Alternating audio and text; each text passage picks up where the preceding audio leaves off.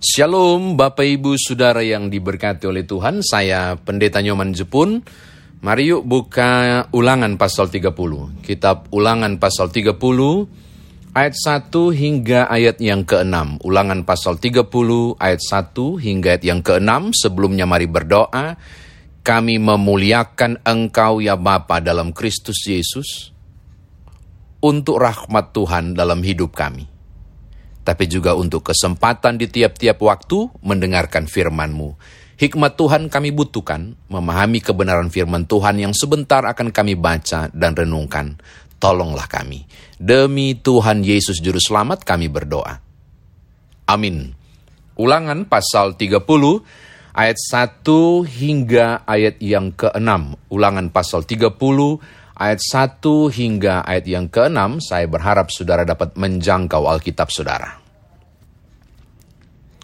Maka apabila segala hal ini berlaku atasmu, yakni berkat dan kutuk yang telah kuperhadapkan kepadamu itu, dan engkau menjadi sadar dalam hatimu di tengah-tengah segala bangsa, ke mana Tuhan Alamu menghalau engkau, dan apabila engkau berbalik kepada Tuhan Alamu dan mendengarkan suaranya sesuai dengan segala yang kuperintahkan kepadamu pada hari ini, baik engkau maupun anak-anakmu, dengan segenap hatimu dan dengan segenap jiwamu, maka Tuhan Alamu akan memulihkan keadaanmu dan akan menyayangi engkau.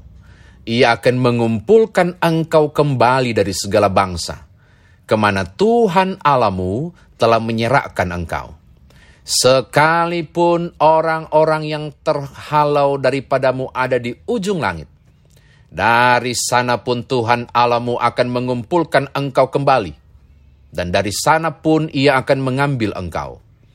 Tuhan Alamu akan membawa engkau masuk ke negeri yang sudah dimiliki nenek moyangmu, dan engkau pun akan memilikinya pula ia akan berbuat baik kepadamu dan membuat engkau banyak melebihi nenek moyangmu.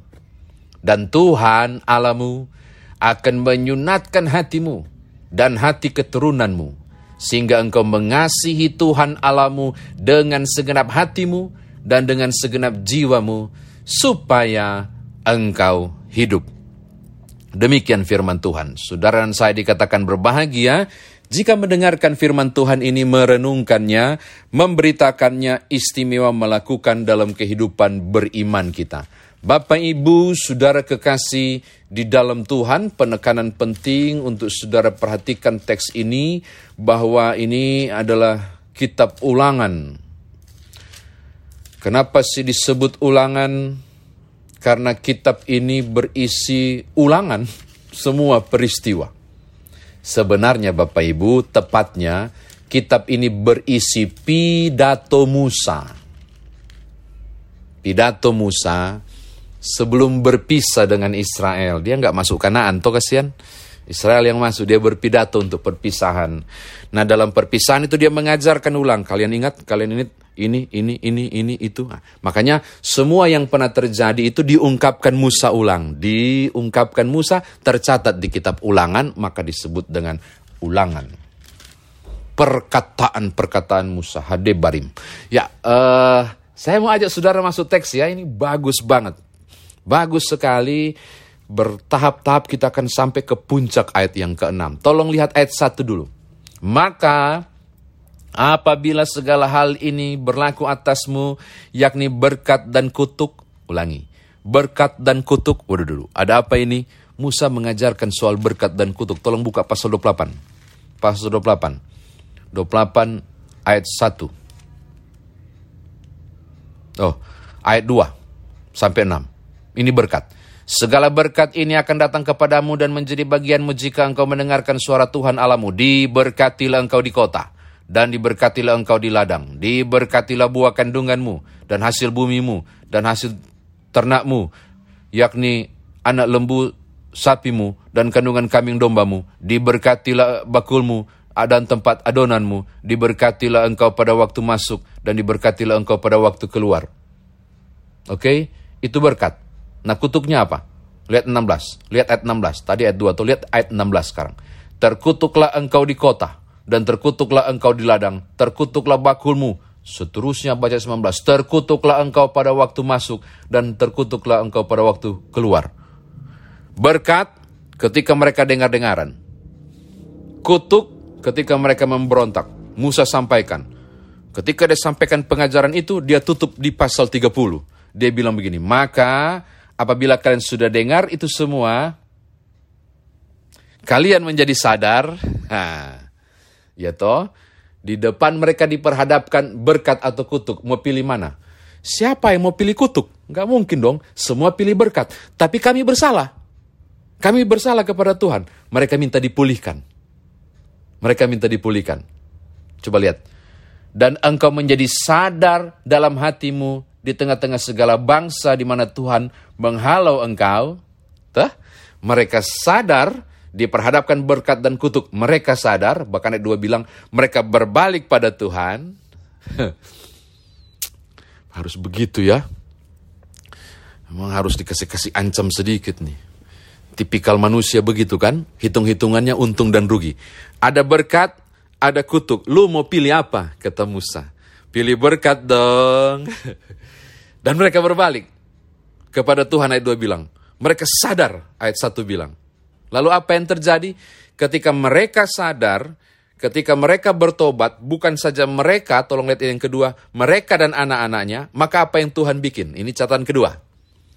Apa yang Tuhan bikin? Tolong lihat ayat 3, ayat 4, ayat 5.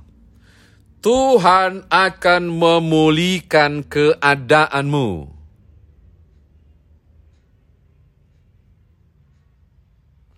Ayat 5. Ia akan berbuat baik kepadamu dan membuat engkau lebih banyak dari nenek moyangmu. Wah. Mana lagi?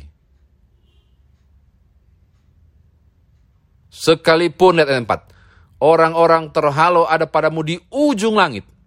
Daripada di sana pun Tuhan Allahmu akan mengumpulkan. Saudara tangkap?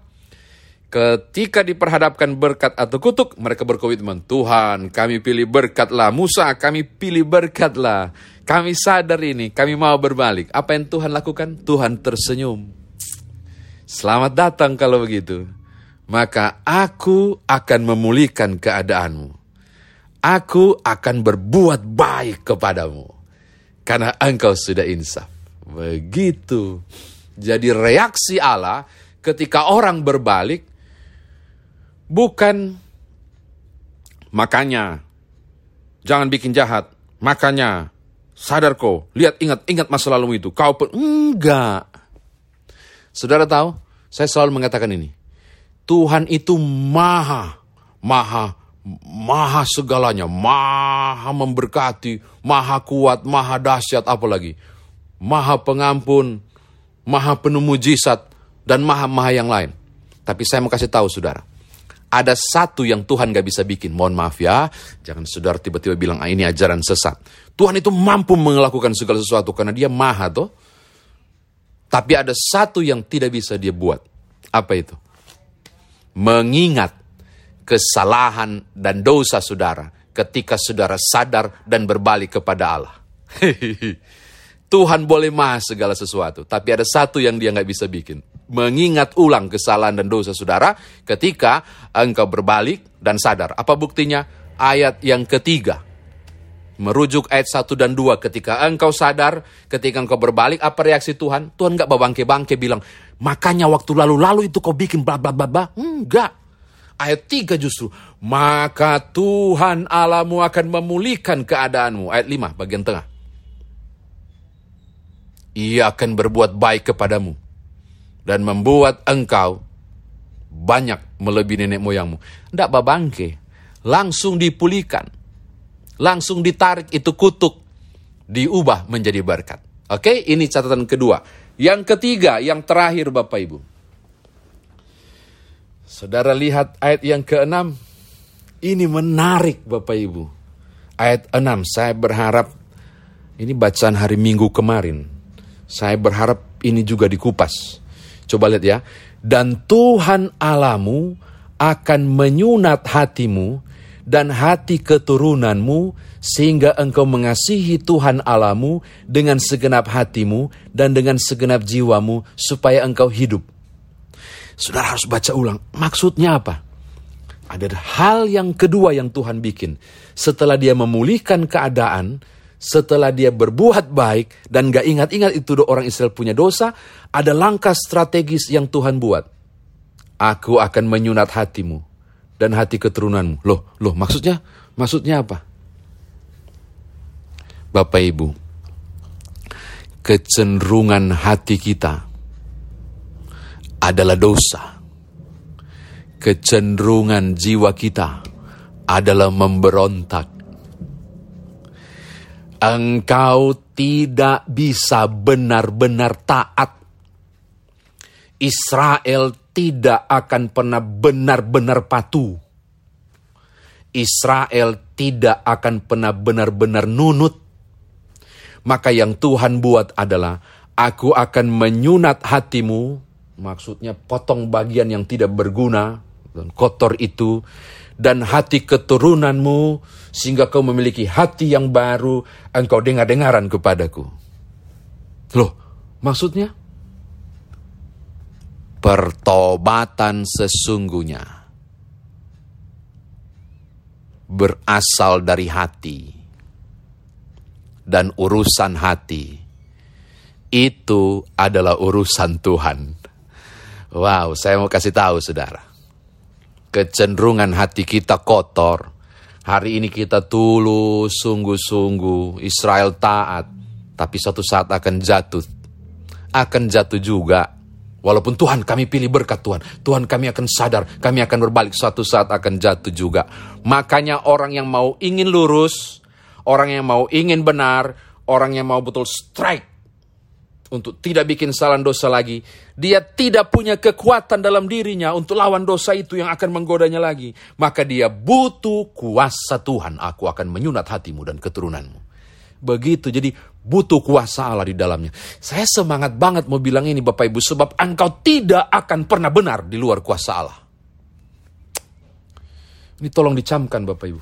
Tidak ada yang bisa sok mengatakan aku benar. Gak bisa. Engkau membutuhkan kuasa Tuhan untuk menyunat hatimu dan keturunanmu. Ya, kita butuh kuasa Allah untuk bisa benar-benar kuat menghadapi godaan dan tidak jatuh lagi dalam dosa supaya bukan kutuk, tapi supaya berkat yang kita dapat. Saya kira demikian firman Tuhan ditafsirkan bagi kita. Nah sekarang bagaimana kita bawa dalam kehidupan beriman kita. Bapak Ibu saya katakan dari awal bahwa sok terapi Musa kasih ini berkat, ini kutuk, lu mau pilih mana? Sudah pasti orang tidak akan pilih kutuk, orang akan cenderung memilih berkat. Ya toh?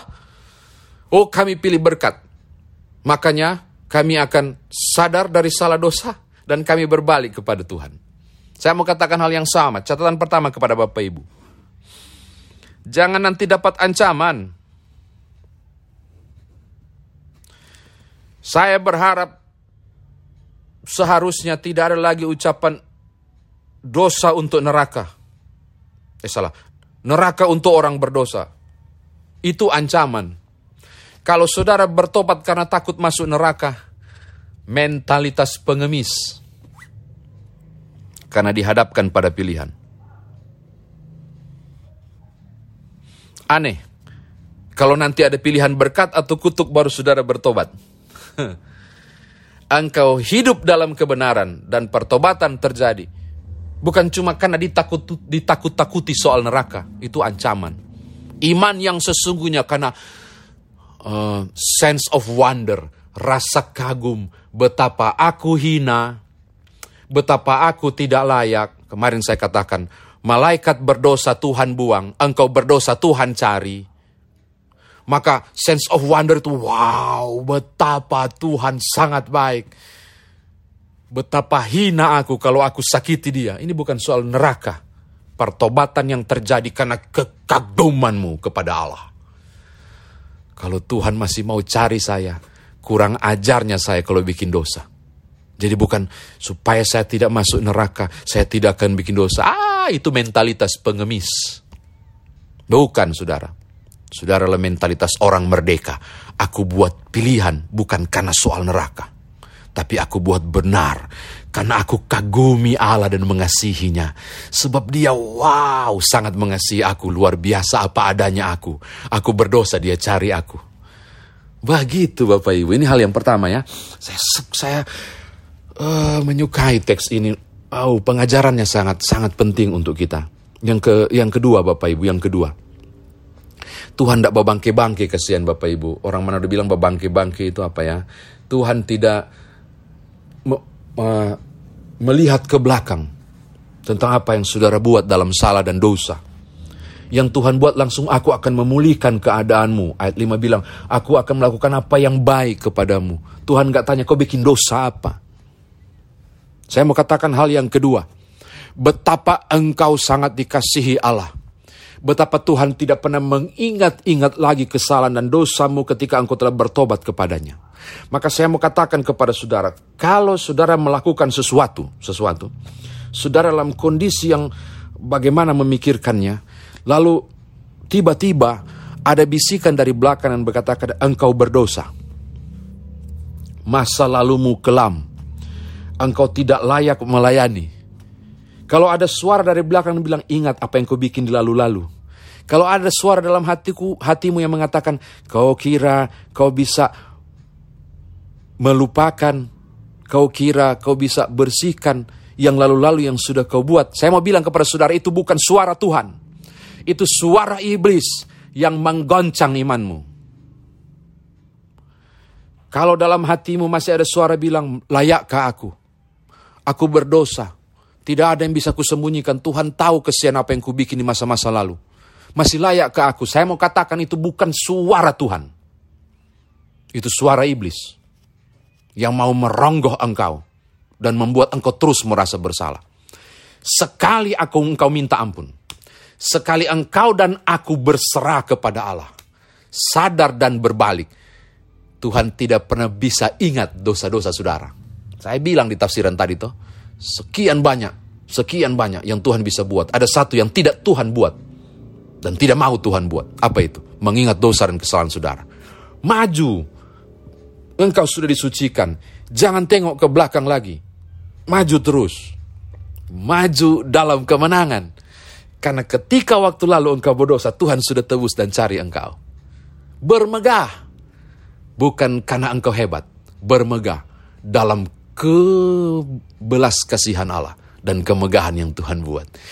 Begitu Bapak Ibu. Terakhir. Aduh.